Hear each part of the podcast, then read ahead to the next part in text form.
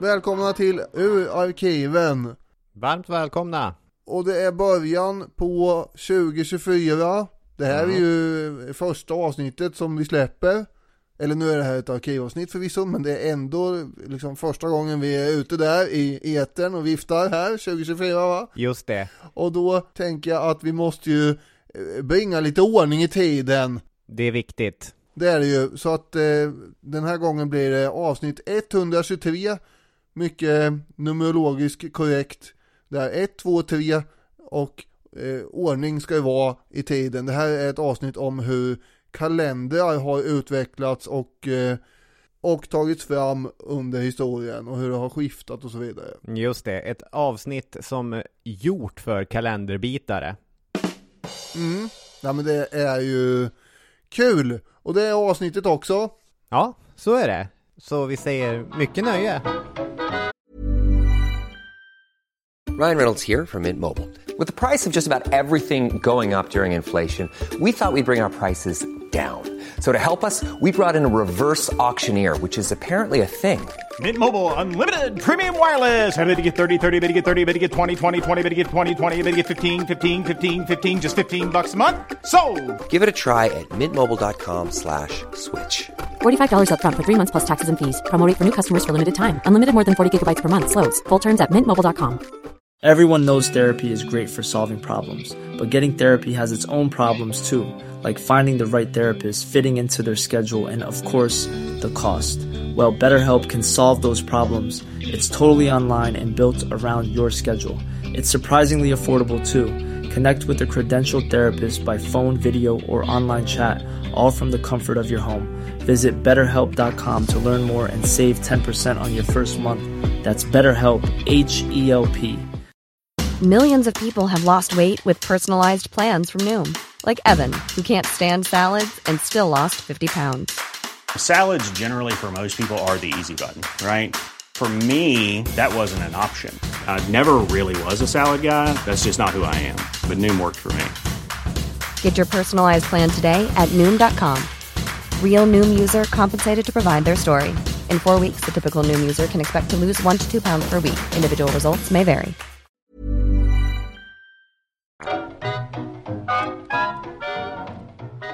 Ibland kan man undra hur folk förr tänkte om den tid de levde i. Gick människan runt på 1100-talet och tänkte Åh, vad trist att jag hamnar i medeltiden. Det är ju jättelångt innan den är slut. Eller gick man runt på Caesars tid och tänkte jaha ja, då är det bara 55 år kvar innan den där Kristus föds. Det är ju trist att leva på fel sida om det där datumet. I de flesta fall är epokers namn efterhandskonstruktioner för att få ordning i tiden. Och apropå tiden, de som levt måste väl ändå ha haft något sätt att mäta den på. Hur då? Vad utgick de ifrån? Har människor någonsin känt att de levt i en ny fas av förändring som kommer utgöra viktmärken senare i historien? Det är däremot inte omöjligt. Både de som levde under franska revolutionen och de som var med om Östeuropas febriga frihetsmånader under 89-90, de kände nog att nu händer det sannerligen historiska förändringar. Kanske slogs även jag, Daniel Hermansson av det, när jag i min ensamhet satt i en fåtölj i Vingarum och betraktade tv-skärmen på text-tv som hade stora, bombastiska, blinkande bokstäver eh, som den skrek ut där. Enligt den tideräkning vi har nu så var det den 11 september 2001. Stora händelser delar in historien i epoker och en era är då en tidsräkning börjar löpa. Vad som har sin startpunkt nu, det är det här avsnittet av Historiepodden, eller hur Robin Olofsson? Stämmer.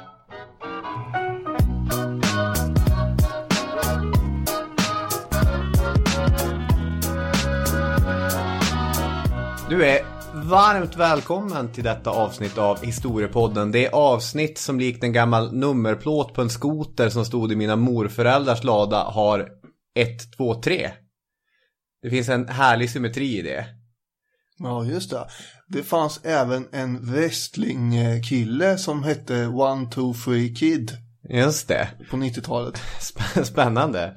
Eh, Vi som gör Historiepodden, det är jag Robin Olsson och du Daniel Hermansson.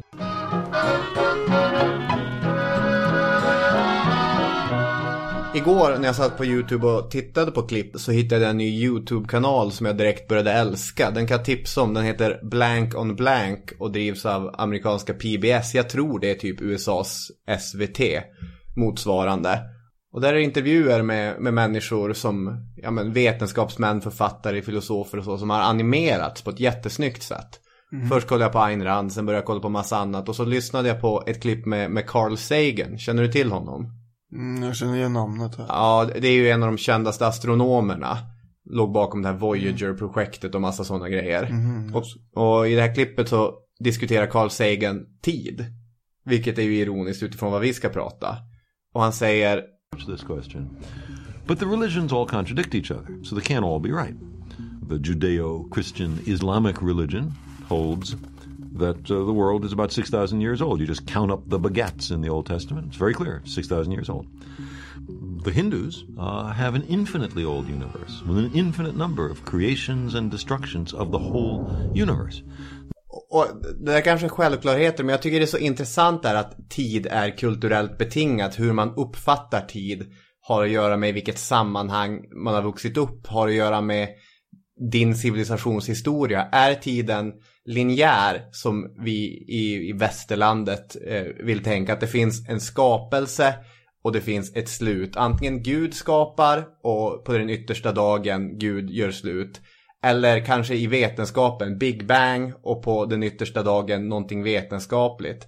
Men det finns också den här bilden av att tid är cyklisk.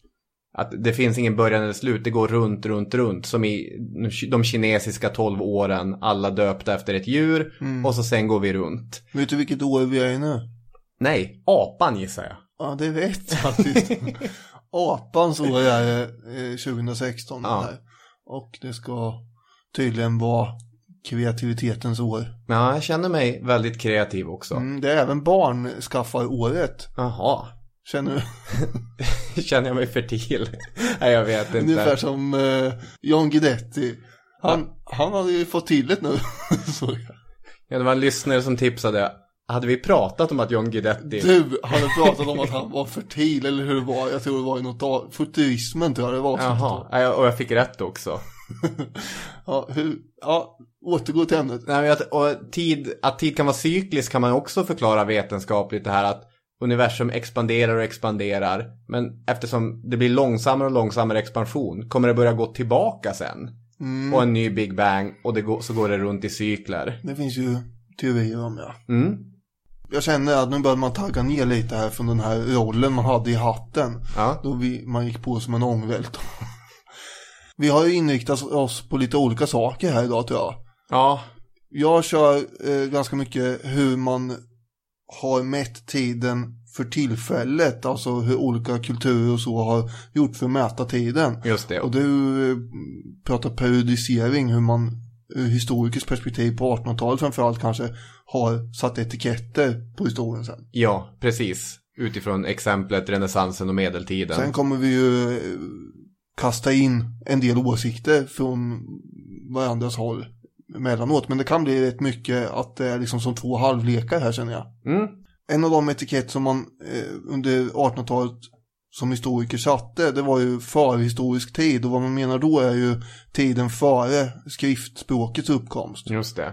Och det är ungefär åtminstone 5000 år tillbaka. Men om man, man kan ju också komma ihåg att det är ungefär 10 000 år sedan som eh, jordbruksrevolutionen eh, slog igenom. Den agrara revolutionen. Just det. Det är också ett epokbegrepp på ett sätt. Ja, och eh, ja, det är ju. Då blir det ganska viktigt, och, mer viktigt än innan nästan, att kunna mäta det här med årstider och så, liksom planera inför kommande årstid när man ska så och skörda och så. Ja, mer planerandet, men jag tror att årstiderna var viktiga för jägare och samlare också utifrån vart man borde befinna sig en viss tid på året. Ja, jo, absolut. Jag, jag menar inte att det var oviktigt med innan, men jag tror att det blev mer viktigt eh, när man ska bo på en plats och börja bruka jorden och så. Ja, Eh, Som sagt, även innan, det krävs inte mycket fantasi för att föreställa sig hur forntidsmänniskorna eh, såg på himlavalvet med stor förundran. Man kunde inte veta vad som hände där, det var helt obegripligt egentligen. Hur tillvaron skiftar mellan perioder av väldigt sträng kyla och sen eh, helt plötsligt väldigt eh, varmt och ljust och behagligt. mm. Det är naturens hemligheter, mycket gåtfullt. Och eh, solen och månen är ju då väldigt värdefulla eftersom de ger det här ljuset som människan i ganska stor utsträckning är behov av eftersom vi, våra ögon är ju... Eftersom vi inte ser i mörkret, Ja, ja. just det. Ja. Då är inte steget långt till något som liknar en religiös kult för att hedra de här himlakropparna som skänker det här ljuset. Just det. Så det är inte så märkligt att den första vetenskapen är astronomi då. Nej, verkligen inte. Och de första som pysslar med det blir ju också präster då i olika religiösa kulturer och ceremonier och sådär. Mm. De som vet saker och ting.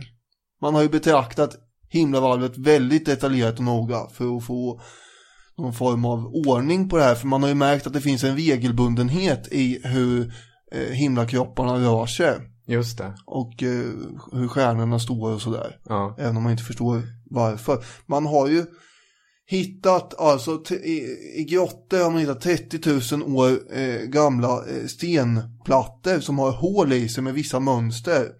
Och eftersom hålkombinationerna stämmer överens med månens faser så har man ju dragit slutsatsen att här är någon som har gjort en, en månkalender och det är ganska rimligt. För, för även en grottmänniska eh, är ju intresserad av att veta när kommer den där månen lysa på natten. Då har man ju mycket större trygghet och säkerhet än vad man har alla andra nätter. Mm. Och månen borde ju rimligen vara det, det stället man börjar med eftersom jag kommer ihåg redan som barn så gjorde man den här insikten att nu är månen halv, nu är den hel, nu är den bara en smal, smal strimla. Ja, det här kan ju alla observera och se utan att vara någon astronomisk expert. Mm. De som ägnar sig åt sådana här beräkningar kunde ju slå fast ganska tidigt när sommarsolståndet var och när eh, midvintersolståndet var. Alltså den längsta dagen och den kortaste dagen. Just det. Och i början på varje historiekurs jag har varje år så brukar jag köra en, en låt. Eh, för liksom, det dels är det exempel på historiebruk. Det är inte jag som sjunger fast jag brukar sjunga med lite grann efter ett tag för jag blir så exalterad och då brukar, om det är en ny klass så kanske kommer lite, En liten tår för att det är så vackert. nej snarare pinsamma blickar och vad är det här för galning liksom. Men den spelas också för att väcka någon form av existentiella frågor i eleverna. Att de ska inte bara tänka på vad det är för mat eh, senare idag på skolan. Utan det finns annat man kan fundera över. What's the meaning with Stonehenge?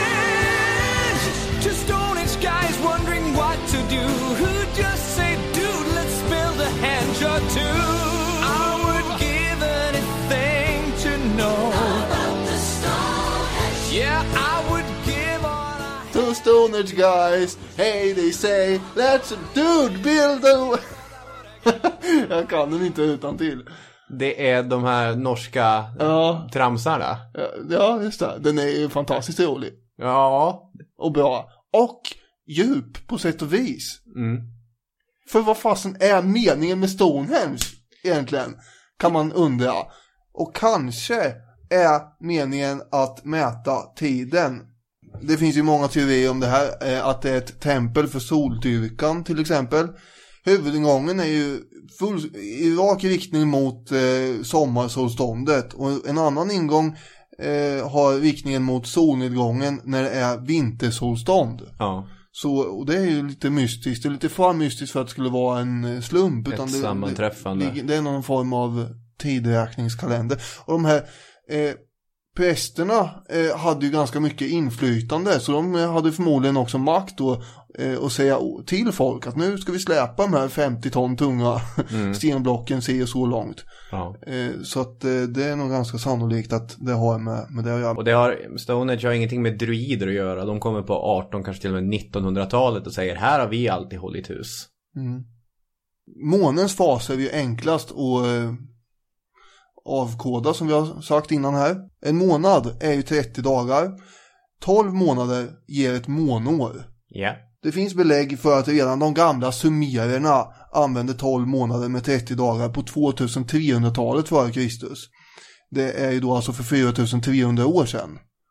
Länge sedan. Det kommer bli många siffror här i det här avsnittet, men det får man ju leva med när det är eh, det här.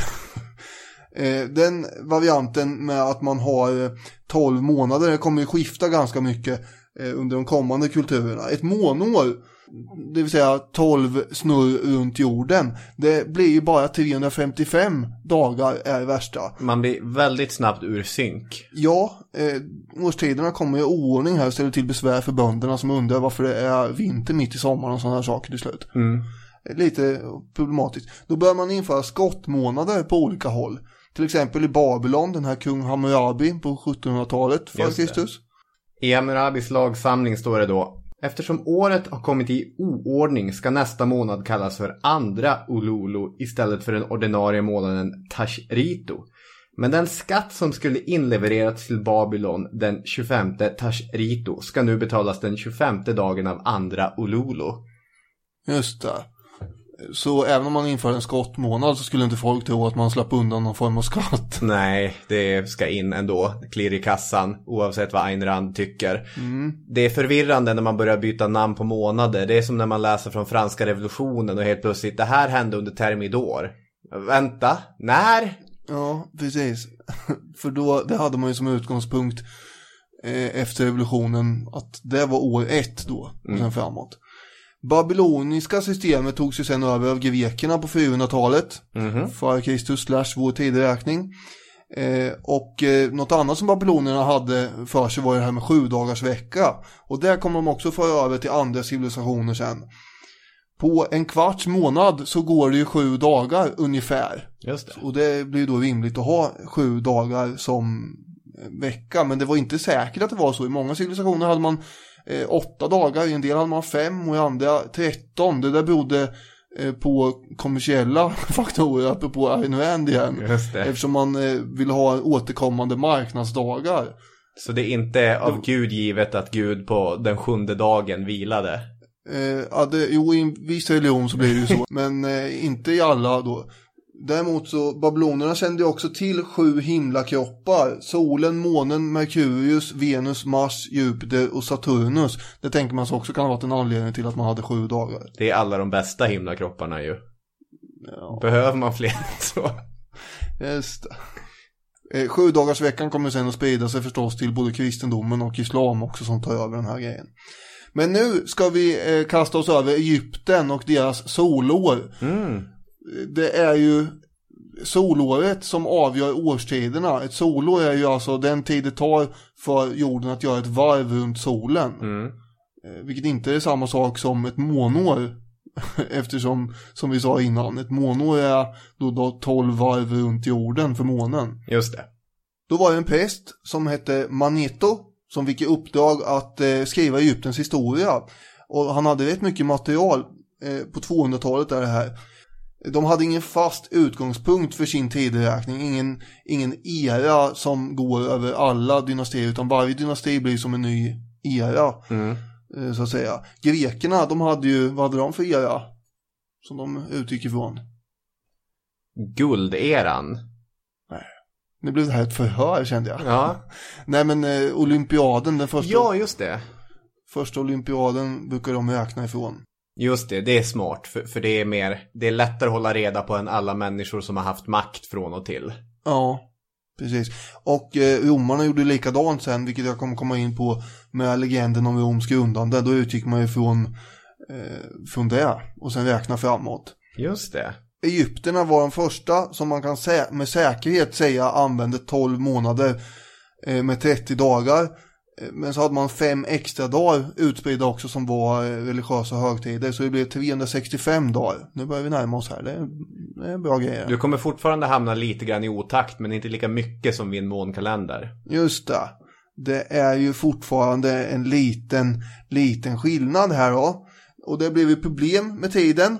Eh, eftersom årstiderna kom om lott så att säga. Återigen bönderna som hamnar i kläm där. Mm.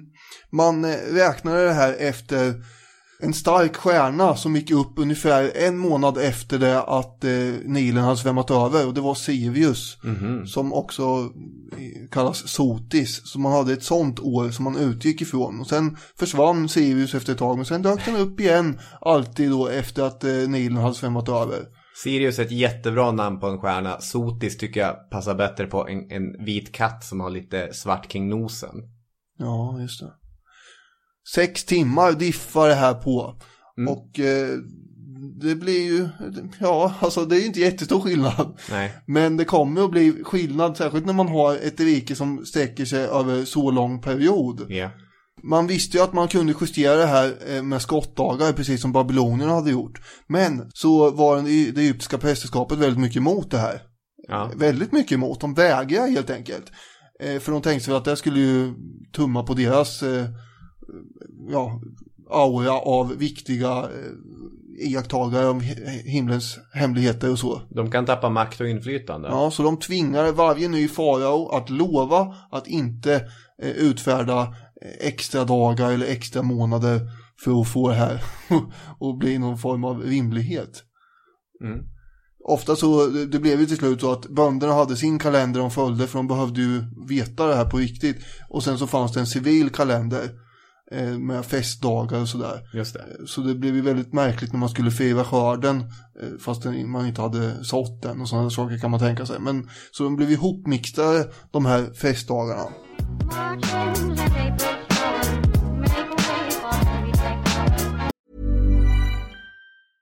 A lot can happen in the next three years. Like a chatbot may be your new best friend. But what won't change? Needing health insurance. United Healthcare Tri Term Medical Plans are available for these changing times. Underwritten by Golden Rule Insurance Company, they offer budget friendly, flexible coverage for people who are in between jobs or missed open enrollment. The plans last nearly three years in some states, with access to a nationwide network of doctors and hospitals. So, for whatever tomorrow brings, United Healthcare Tri Term Medical Plans may be for you. Learn more at uh1.com. Everyone knows therapy is great for solving problems, but getting therapy has its own problems too, like finding the right therapist, fitting into their schedule, and of course, the cost. Well, BetterHelp can solve those problems. It's totally online and built around your schedule. It's surprisingly affordable too. Connect with a credentialed therapist by phone, video, or online chat, all from the comfort of your home. Visit betterhelp.com to learn more and save 10% on your first month. That's BetterHelp, H E L P. Millions of people have lost weight with personalized plans from Noom, like Evan, who can't stand salads and still lost 50 pounds. Salads, generally, for most people, are the easy button, right? For me, that wasn't an option. I never really was a salad guy. That's just not who I am. But Noom worked for me. Get your personalized plan today at Noom.com. Real Noom user compensated to provide their story. In four weeks, the typical Noom user can expect to lose one to two pounds per week. Individual results may vary.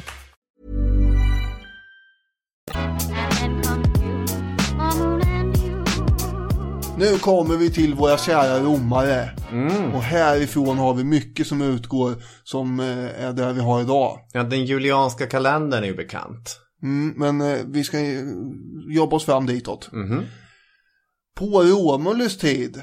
Mhm. Remus och Romulus. Ja, nu misstänker man här att det här eh, är kanske en smula legendartat snarare. Ja, vi ska inte glömma eh, den varghona som diade dem heller. Ungefär där bör man misstänka att det här kanske inte har hänt. Eh, Men, eh, men ändå. Då hade man i alla fall 10 månader, vilket då totalt är 304 dagar. Det är det så kallade gammelromerska året. Men det kommer komma en del reformatörer här och ändra på det här. Romulus, när han grundade Rom, vet du när det här skedde ungefär? Utifrån våran tideräkningssätt. Är det inte 753 för vår tideräkning? Just det, och hur man kommer fram till det ska vi snart avslöja. Närmare bestämt nu. Eh, en vetenskapsman som heter Marcus Terentius Varro sattes ner på hundratalet och tänkte att nu ska vi reda ut det här. Ja. Och eh, han levde som sagt hundratalet före Kristus. Och han försökte ju då ta reda på hur gammalt är Rom. Och precis som den här egyptiske prästen så hade han också tillgång till en he- hel del historiska dokument. Framförallt något som kallas för Fasti Capitolini. Just det. Just det. Det är antingen ett dokument eller en utmärkt god pastarätt. Ja, det är ganska många dokument. Det är alla eh, listor över alla statens ämbetsmän. Eh, så långt tillbaka man kan gå eh, till eh, det att republiken grundades. Och då är det bara att börja räkna sig bak i tiden. Ja, och den här listan finns kvar fortfarande. för övrigt. En annan som han hade var Analis Maximi och det är då årliga notiser från de överste präster som har funnits över olika förmörkelser och matpriser och allt möjligt. Så han hade en del att jobba med, men ju längre bak man kommer ju mer osäkert blir det ju. Och om vi tar vår egen tideräkning som måttstock här så är ju republiken grundas ju 509 för vår tideräkning. Ja, då sparkar man ut etruskerna. Ja, det var ett uttryck det här före vår tideräkning eller före Kristus. Det kunde inte han gärna ha använt då, som han inte visste. Nej, det är svårt ja. mm. Eh, utan istället så försöker han jobba sig ännu längre bakåt och då har vi de här kungarna som hade suttit tidigare. Mm. Och då tar han sig friheten att att tänka sig att de här sju legendariska kungarna som hade funnits före republiken, de hade nog i typ 35 år i genomsnitt säger han. På en höft sådär. Och då kommer han fram till att det har då varit en kungatid i 244 år. Och alltså så grundas då Rom den 21 april år 753 f.Kr. med utgångspunkt i våran tideräkning. För honom så var vi ju snarare ungefär 650 år tillbaka. Och då har man det som startpunkt. Då kan man säga eh, till exempel att 535 år efter att staden har grundats så anföll Hannibal den italienska halvön och så vidare och så vidare. Sen kommer en eh, snubbe då direkt efter Romulus som kan vara mytisk, han kan vara verklig, det är lite oklart. Han hette Numa Pompilius och han är den som inför då 12 månader. Han ska ha levt i början av 600-talet och det är ju ganska oklart här då, i vilken mån han har funnits. Att han inför 12 månaders systemet i Rom. Mm, precis. Just det, sneglar lite grann på egyptierna. Ja, eh, kan man tänka sig i så fall. För de hade åtminstone 12 månader eh, senare i historien. Så att någonstans har det införts. Och i så fall ska han ha infört eh, två nya månader också. Och placerat dem i slutet av året. Vilket år börjar romarnas tideräkning med? Nu fortsätter förhöret här. Ja, och, Om du är lyssnar här och vet så kan du skrika ut nu före Robin här. ja, du får gärna berätta. Mars! Mars, ja just det. Eftersom det är eh, den gud som man tänker sig skyddar den romerska staten. Det är krigsguden och han var till och med farsa för början åt eh, Romulus och Remus. Just det. Vi har ju flera av våra månader kvar från de romerska namnen. Ja, aprilis som kommer efter mars. Oklar innebörd men eh, man tror att eh, det kommer från verbet apevie som betyder öppna, att naturen öppnar sig under den här månaden. Apricus, en annan variant, det betyder solig, kan vara det också. Första vårmånaden där. Maja, det är då en romersk eh, växtlighetsgudinna som man tillbad under den här månaden. Okej. Så det är maj då. Sen har vi Junius, Juno. Vilket är då eh, Jupiters fru. Mm. Helt enkelt. Och hon var också dotter åt den här gudarnas eh, farsa Saturnus. Så eh, hon var ju då barnaföderska och mödrars beskyddare. Finns lite annan kuriosa kring henne också. Att hon har gett upphov till ord som manni och så. Eftersom hon gick under namnet Juno Moneta. Och sen hade den romerska myntverket eh, hade slagit upp sina kontor i hennes tempel. Just det, lite etymologi var det där. Just det. Sen orkar man inte krångla med det längre utan alla återstående månader fick helt enkelt numreringar.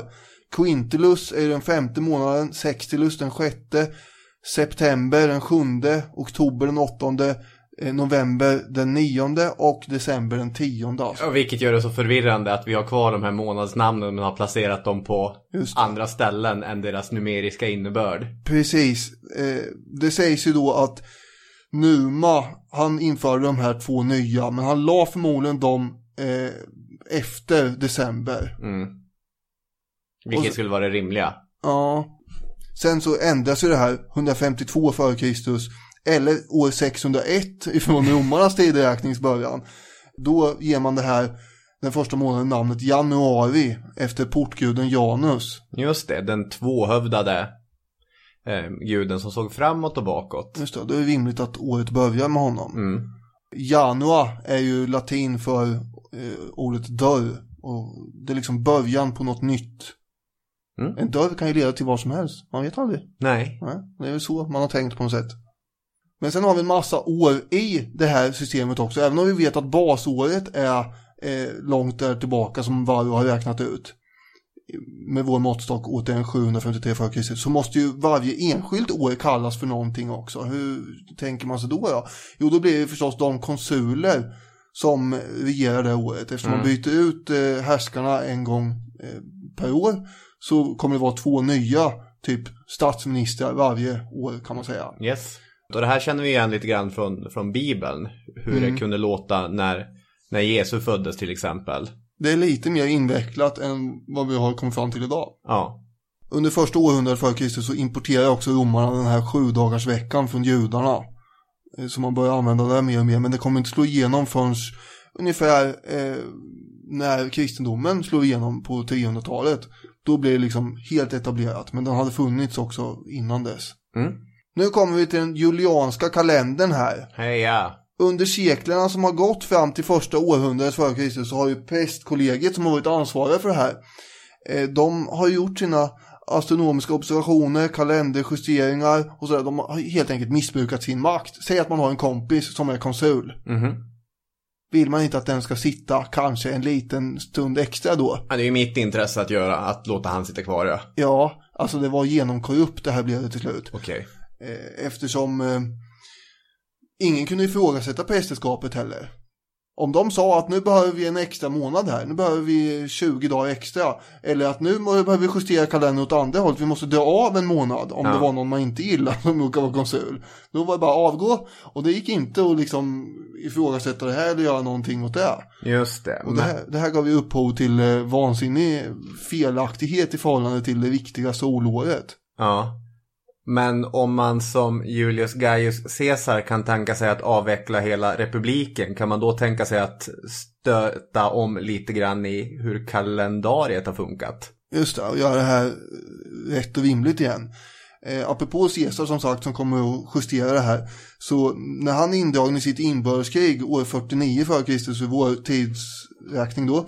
Eh, så då anfaller han Grekland och ska ge sig på Pompejus i januari år 49. Men egentligen så är vi ju tillbaka i november om vi ska räkna. Eh, så att det, blir, det är alltså helt fel, det är fel 80 dagar vid det här laget.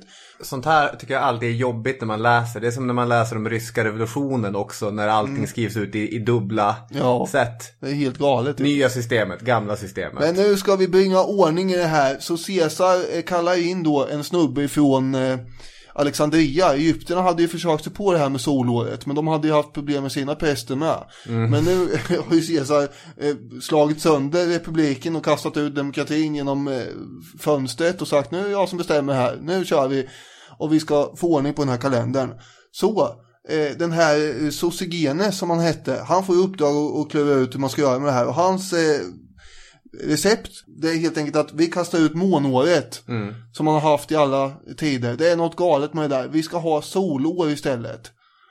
Och då blir det 365 dagar man ska basera det hela på. Bra idé. Bra idé, precis som Egypten hade gjort. Plus eh, det som Egypten också hade redan tidigare hade räknat ut att det räcker inte, utan det behövs ett kvarts dygn till. Och då lägger man på en skottdag var fjärde år. Caesar applåderar och säger bra, bra jobbat, det här ska vi ha.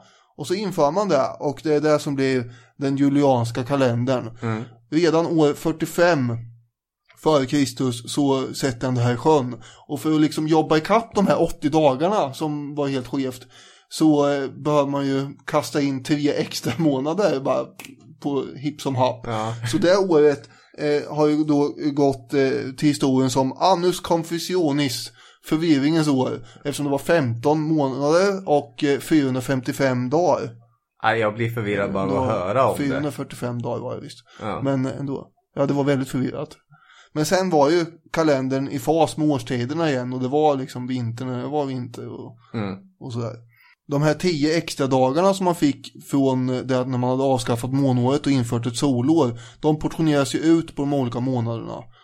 Eh, Men av någon outgrundlig anledning så fick eh, februari bara 28 dagar. Mm. Och det här lever vi med fortfarande ja. Ja, Vi skulle kunna ha eh, sju månader med 30 dagar och fem månader med 31 dagar. Men så det har vi inte. För att det tyckte inte Sosogenes av någon anledning. nej men jag tycker februari är en skitmånad. Så det är lite tur att den är kortare Ja, så man blir av med den. Jag tycker också det var ganska bra. Undrar om det är så han har tänkt. Att det är, fast det kan de inte gärna ha gjort nere i värmen i, i Italien och tänkt att Folk kommer att tycka det är så tråkigt det här så vi hoppar över några dagar. Ja, hur som helst så lyfts ju Caesar upp till eh, någon form av gud också och då ska han hedras med eh, att en månad får hans namn helt enkelt och det blir ju då juli. Så Sextilius byter namn till juli. Sen kommer också hans efterträdare eh, Octavianus, eh, hans adoptivson som blir den första riktiga kejsaren att bli hedrad med Augusti. Just det. För han blev ju då eh, kallad Augustus av senaten som betyder den upphöjde. Och sen får han en månad till på köpet, augusti. Som vi precis har lämnat. Nej. Ja, vi lämnade den för ett tag sedan. Ja. vi har lämnat den, Just det har du rätt i. Ja. och sen då, eh, när hans efterträdare kommer, Tiberius, då ville senaten hedra honom också med en månad. Men han sa, vad ska senaten hitta på eh, när de tolv månaderna är slut? Ska de skaka fram nya månader då? Alltså här kan vi inte hålla på. Så han, han var ju en vidrig människa på många sätt, Tiberius, men han var inte så fåfäng att han behövde en månad uppkallad efter sig och det var kanske lika bra där. Ja, nej, det är väl lika bra att vi slipper fira Tiberius en gång om året. Ja. En hake med den julianska kalendern, eh, man hade den fram till eh, 1500-talet, det var ju att det julianska året här blev ju 11 minuter och 12 sekunder för långt. Mm. Vilket man knappast märker under en människoliv så att säga. Nej, men går det några generationer börjar det där märkas av. Ja, på, på 128 år så har eh, det blivit ett helt dygn. Mm. Och eh, efter 300 år så har ett gäng andra präster som har uppmärksammat det här. Och det är då de kristna prästerna då. Som eh, noterar att hur ska vi göra med påsken egentligen? Det är, så, det är samma problem som nu, man vet ju aldrig när påsken ska bli liksom. Nej. Eh, Och det tänker man sig ju att man ska få ordning på år 325 efter Kristus. Man kallar inte det då ens, ska vi komma ihåg. Eh, Men då har man ett möte i en stad som ligger i nuvarande Turkiet som heter Nikaia. Ja. Och eh, då ska man få ordning på det här för vårdagjämningen enligt den julianska kalendern ligger den 24 mars. Men den låg helt plötsligt, en, eller hade, det var inte helt plötsligt för det hade gått 300 år, men ändå. Den låg den 21 mars nu istället. Ja. Och det här var väldigt förvirrande. Ja. Det var vårdagsjämningen, det var inte dymmelonsdagen som hade hamnat fel. Nej, det var, det var viktigare saker ändå. Hur kunde det här komma sig egentligen tänkte de så här. Man djupdykte ner i evangelierna och försjönk i allsköns spetsfundigheter för att få ordning på det här ju. De, livliga debatter fram och tillbaka, hur ska vi göra med, med det här egentligen? Till slut så kom man fram till att vi bestämmer att vårdagjämningen ska vara den 21 mars helt enkelt. Även om den egentligen enligt den astronomiska beräkningen är den 24 mars. Nu är den 21. Så kom man fram till det och fixerade det där. Eh, och eh, sen så blev ju effekten av det här mötet, förutom att man bestämde att Jesus skulle vara liksom av samma väsen som Gud, och man bestämde att söndagen var vilodagen och så- sådana saker, så bestämde man också att eh, den första påskfullmånen efter vårdagjämningen, då är det dags att fira påsk. Och det här gör ju att hela vägen egentligen från 21 mars till den 25 april, någonstans däremellan kan ju påsken infalla. Mm. Och den tidigaste tillfället för det är ju den 21 mars. Det hände senast 1818. Nästa gång är det 2285. Det är rätt långt kvar dit. Och senaste dagen eh, som påskdagen inföll den 25 april var 1943 och nästa gång är 2038. Gud, jag är helt borta nu. Ja, Ja men du är med på att det är långa, att det kan variera mycket i alla fall. Men det är jag med det på. kanske är någon som har somnat vid det här Så vi, laget. vi bra. sammanfattar, Ja. det kan variera häftigt.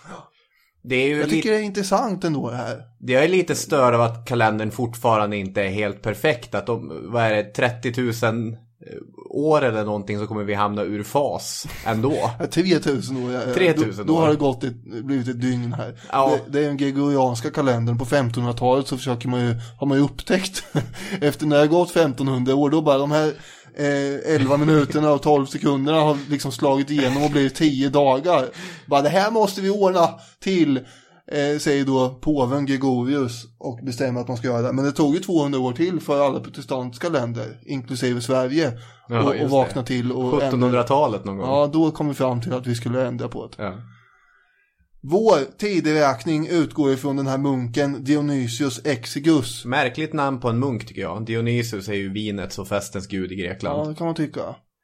Han i alla fall är den som då med hjälp av evangelierna räknar fram när Jesus föddes och bestämmer sig för att det här borde, borde vara våran eh, Ja. utgångspunkt.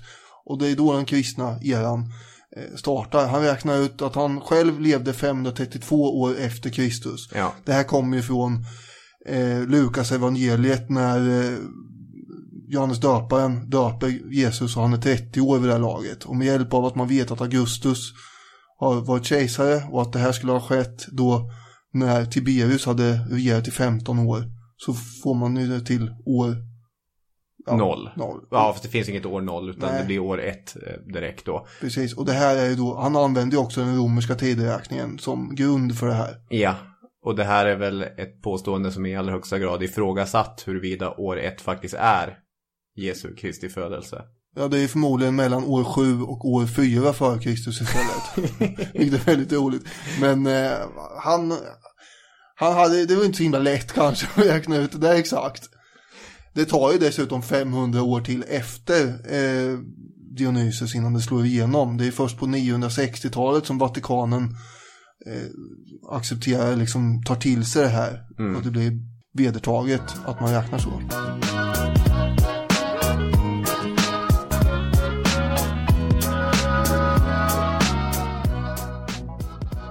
Då har vi pratat ganska mycket om tid. Eh, och Ja, det blev så. från tid, för, en annan sak då att mitt perspektiv lite grann i det här ämnet är som historielärare, som eh, historiepoddare, hur förhåller man sig till den tid som har gått? Hur sammanfattar man, hur periodiserar man det här på ett effektivt sätt? Och jag tänkte att vi kunde jobba lite grann med ett case. Jag har med mig lite böcker här. Jag har med mig en bok om medeltiden och en bok om renässansmänniskan. Och jag kommer alldeles strax tillbaka till de här. Ju mer jag tänker på hur det var att plugga historia på universitetet, desto mer kluven blir jag inför det. Alltså missförstå mig rätt. Det är jättebra att vi har en vetenskaplig historieskrivning och jag högaktar alla som håller på med det. Att plugga historia är det viktigaste jag har gjort i mitt liv och jag ångrar inte en dag av det. Men jag tänker att det faktum att jag och du lyckas nå ut till så många människor och så många uppskattar det vi gör trots att vi inte har fina doktorstitlar i, eller professorstitlar, lektorstitlar ens i historia, trots att vår podd inte alltid levererar ljud av allra högsta kaliber heller. Det visar för mig hur dåligt universitetet är på sin tredje uppgift. Att faktiskt nå ut med, med information. Och det tror jag beror på att ganska många som jobbar med historia på universitetet är lite tråkiga. Vi brukar skämta om att det enda G som du fick eh, på hela den tiden som du pluggade historia var på en av dina ubåtsuppsatser. Ja, Det är ämnet som du kan bäst av allting. ja, Och en känd svensk historiker sågade dig med motiveringen att du har haft för roligt när du skriver. sågade är väl ett starkt ord, men det var så jag upplevde det då i alla fall. Ja, för att du eh, Jag hade haft för roligt helt enkelt. Jag Du hade hade skrivit för, för läsvänligt, misstänker jag. Ja, du hade kommenterat att någon person hade suttit med sin legendariska fluga till ja, det får exempel. man absolut inte skoja till det så. Lite salt i soppan. Får jag bara eh, säga att jag hade inte tummat på den vetenskaplighet som krävs för det på något sätt. Men eh, man får inte sätta salt i soppan. Varför jag har med mig gammal kurslitteratur idag är därför att de flesta böcker som jag läste på universitetet tyckte jag var pedagogiska, lärorika, bra att använda för att klara en tenta, men ganska mycket var lite tråkigt.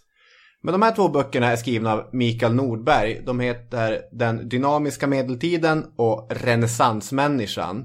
Jag läste dessutom en tredje bok han skrev, Profetens folk, som handlar om islams historia när jag pluggade. Ganska många böcker som jag läste är i en wellpapplåda och jag har aldrig haft uppe dem i min bokhylla. De här har alltid varit uppe i min bokhylla för de är intressanta. Jag tänkte uppmärksamma dem, dels för att det passar in på ämnet och dels för att Mikael Nordberg dog tidigare i somras. Och eh, det är ett historiskt författarskap som har, som har hjälpt mig mycket. För det finns lite etos här. Det, det finns en person som, som tycker någonting, som lägger lite kraft bakom orden. Det finns lite salt i Mikael Nordbergs soppa. Det måste man ju ha. Jo, precis. Därför att de angriper det här med epoker. Alltså vi, vi pratar ju om en epok som en, en begränsad tidsperiod som ska ha någonting gemensamt på ett eller annat sätt. En intellektuell konstruktion, en abstraktion för att få eh, en övergripande syn på historien. Det här handlar om medeltiden och renässansen. Och om vi börjar med medeltiden, vad är det för någonting egentligen? En period på tusen år vars förenade kvalitet är att den är varken antiken eller renässansen. Och på engelska blir det ännu tydligare, the middle ages eller till och med ibland the dark ages. Nordberg beskriver så här, begreppet har kommit att stå för allt primitivt, outvecklat och stillastående, för armod, våld, godtyckligt förtryck, allmänt elände. För att inte tala om vidskepelse, intellektuellt och andligt mörker. Och varför? Är då frågan man ställer. Varför har medeltiden det här ryktet? Då på det svarar han Ansvaret får nog läggas på de italienska humanisterna som på 14 och 1500-talet. Renässansens, och det har han satt inom citattecken som att renässansen är någonting vi ska ifrågasätta. Renässansens lärda som i måttlös självöverskattning ansåg sig ha återuppväckt och på nytt fött antikens kultur. Här svänger det, det är lite svung i måttlös tycker jag. Det han har gjort är att snöa in på 1100 till 1400-talet, det är hans period. Det- Det som vi kallar högmedeltid, senmedeltid och kanske renässans. Och han menar att om man tittar på så framväxande klasser, kvinnans ställning, generell idéhistoria, så är det redan på 1100-talet som det moderna Europa föds. Det är Europa som vi har ändå fram till 1800-talet. Och att placera 1100-talet i samma epok som 800-talet. Det är ganska konstigt, de har ingenting gemensamt. Ganska svepande här Ja, beskrivningar.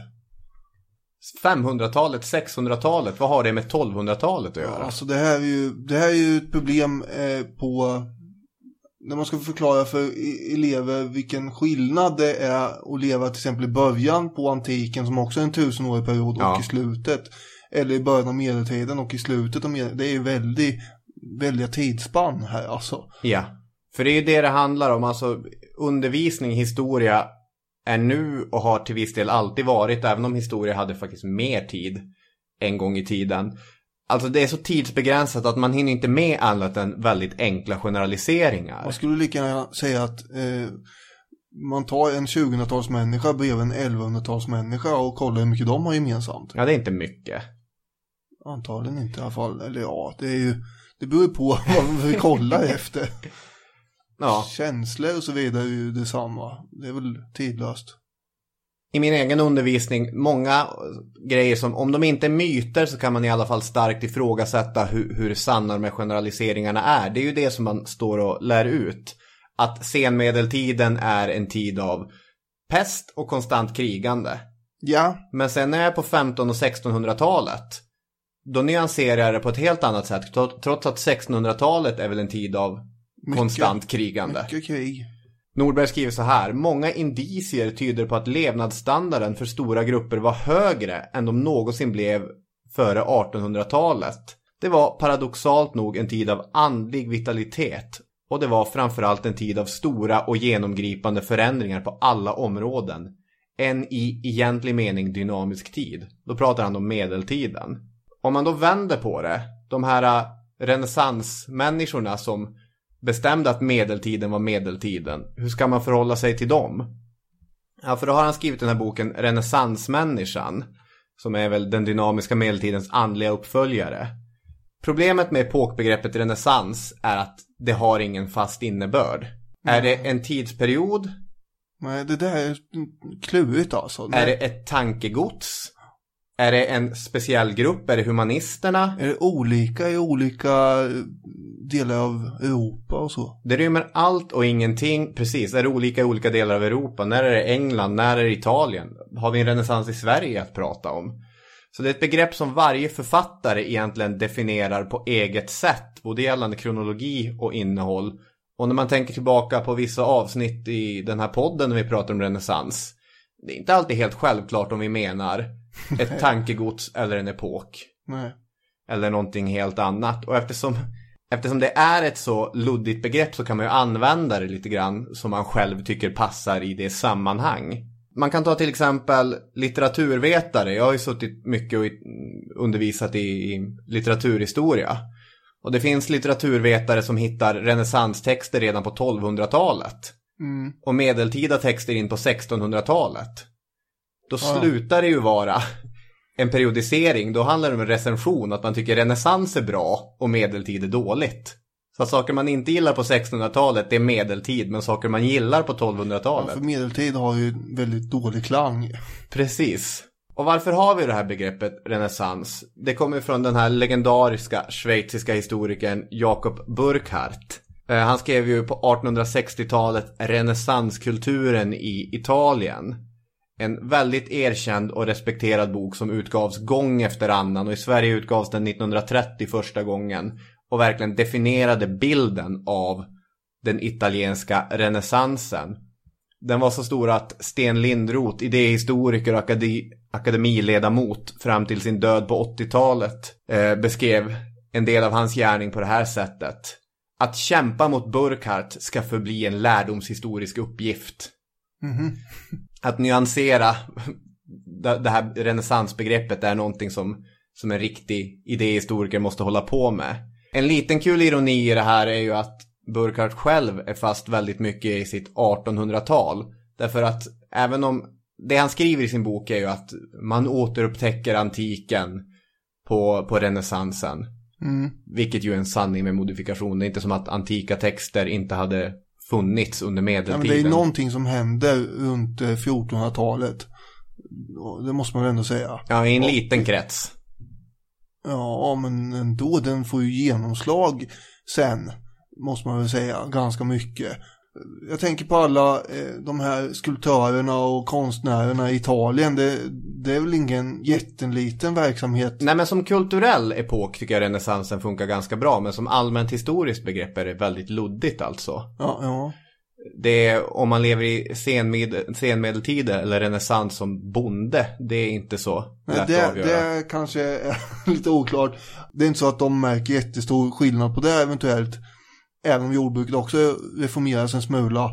Eh, och, och sådär. Mm. Men alla de här stora kyrkofäderna under medeltiden, det de gjorde var ju att läsa Aristoteles och Platon och så försöka få det att passa in i den katolska läran. Mm. Det var ju vad skolastiken gick ut på. Jo. Så att det var inte bortglömda texter på det sättet. Men det som är lite roligt är att det var inte den här den punkten som, som Burkhardt själv tryckte på utan han menade att det som var unikt för renässansen var att det var den italienska folksjälen som kom tillbaka. Du vet det, det är 1800-tal och nationalism och han har läst Johan Gottfried Herder om, eh, vad, vad heter det, Folkgeist. Att det, det finns något unikt eh, för olika nationer. En bara kort grej som är intressant med Herder är att trots att det är en 1700-talsfilosof från Tyskland är han halvrelevant i svensk samtidsdebatt eftersom det är Björn Söders stora förebild. Mm. han pratar ju mycket om den svenska folksjälen. Men det Nordberg menar, om jag ska lyfta det här till, till vad han faktiskt tycker, är att renässansen, likt alla epoker, är ju en intellektuell konstruktion. Men kanske just att renässansen håller samman sämre än de flesta andra epokkonstruktioner. Alltså han, han, medeltiden är inte heller en bra...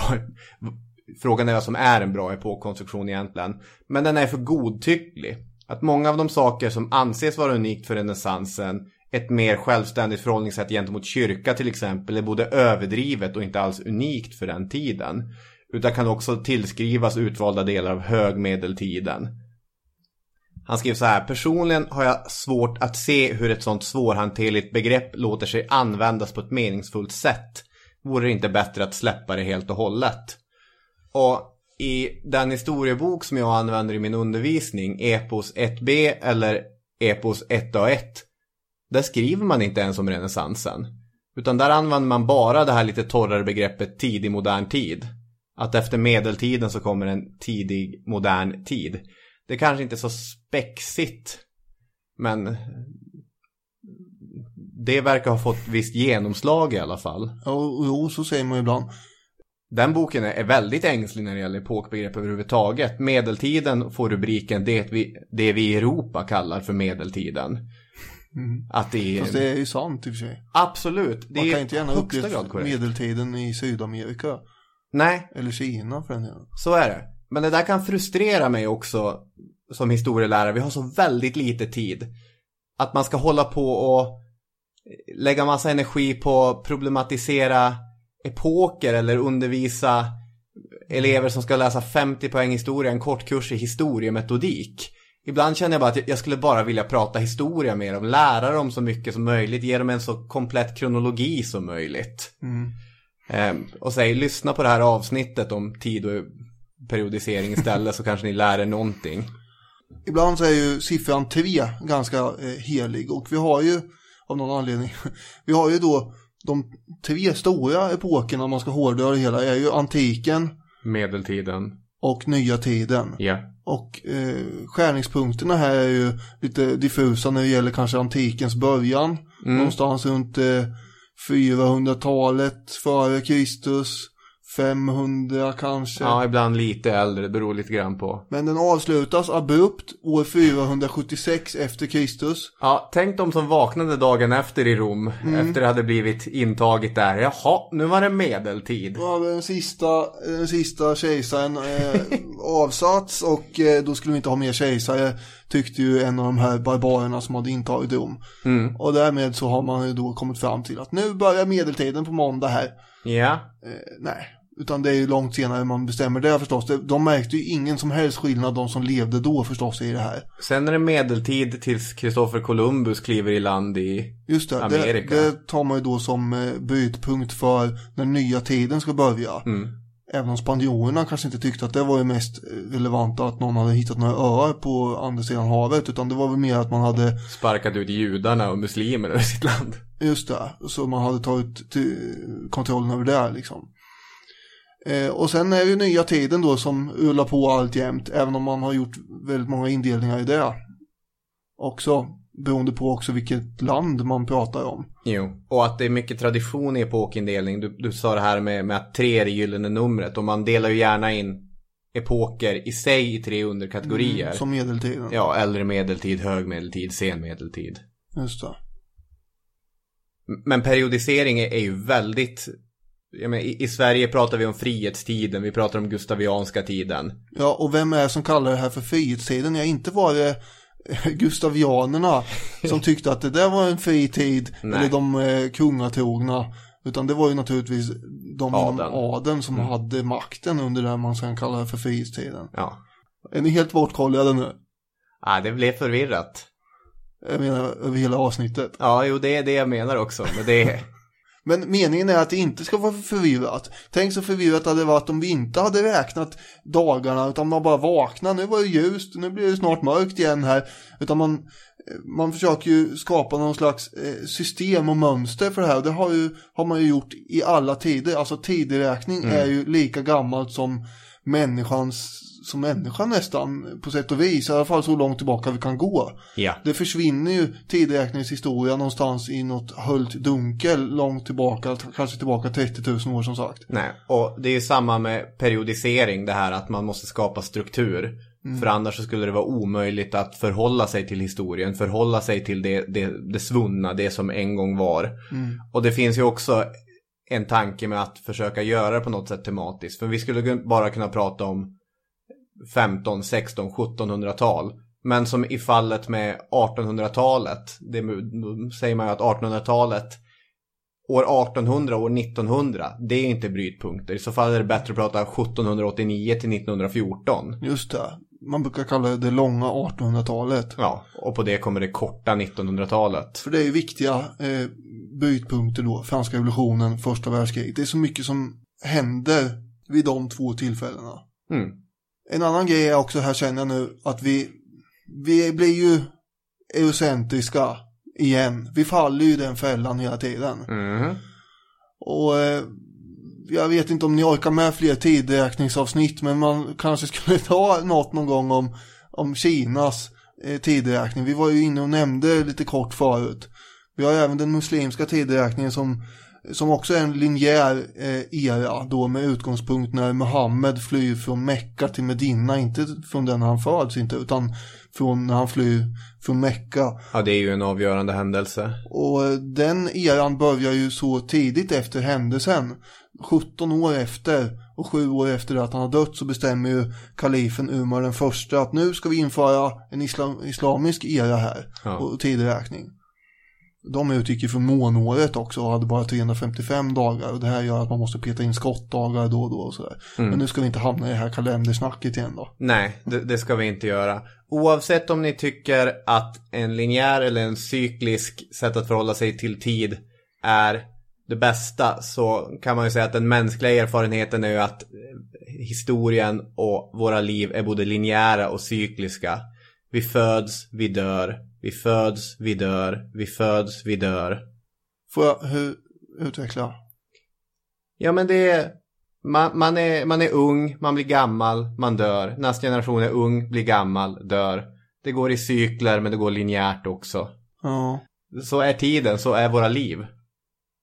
Det mest spektakulära var väl Maya-indianernas kalender som eh, fick eh, alla mina elever år 2012 att bananas. Så man hade ju stora besvär med att försöka få dem att, att fatta att jorden förmodligen inte skulle gå under. Jag var konstant förbannad det året. Jag var så less på att ta den där diskussionen. Hela tiden fick man, va, ni behöver inte ha ångest, ni behöver inte bli deprimerade, ni behöver inte vara till er över det här om de nu var det. Det kommer inte hända något antagligen. Ja, men det jag, jag satt och, och tänkte, är det upplysningen vi måste börja slåss för igen? Ja, eh, en del eh, använder ju det där med glimten i ögat förstås också. Men en del eh, kanske också trodde på, jag vet inte. Men den kalendern var ju förmodligen då cyklisk tänkt. Ja, uppenbarligen gick ju inte jorden under i alla fall. Nej. Med det så kanske vi kan däremot låta avsnittet gå under. Ja. Det, det tycker jag är en utmärkt idé. Vi, vi låter, vi sätter punkt för den här äh, epoken. Nej, det, det är sådär får man säga. Jag är trött nu. Hörni, tack så mycket för att ni har lyssnat på det här avsnittet. Hashtagga histpodd och eh, besök Facebook-sidan. Ja, gör det. Och ha en bra vecka. Så syns vi igen, eller hörs snarare, nästa söndag. Hej med Hej hej.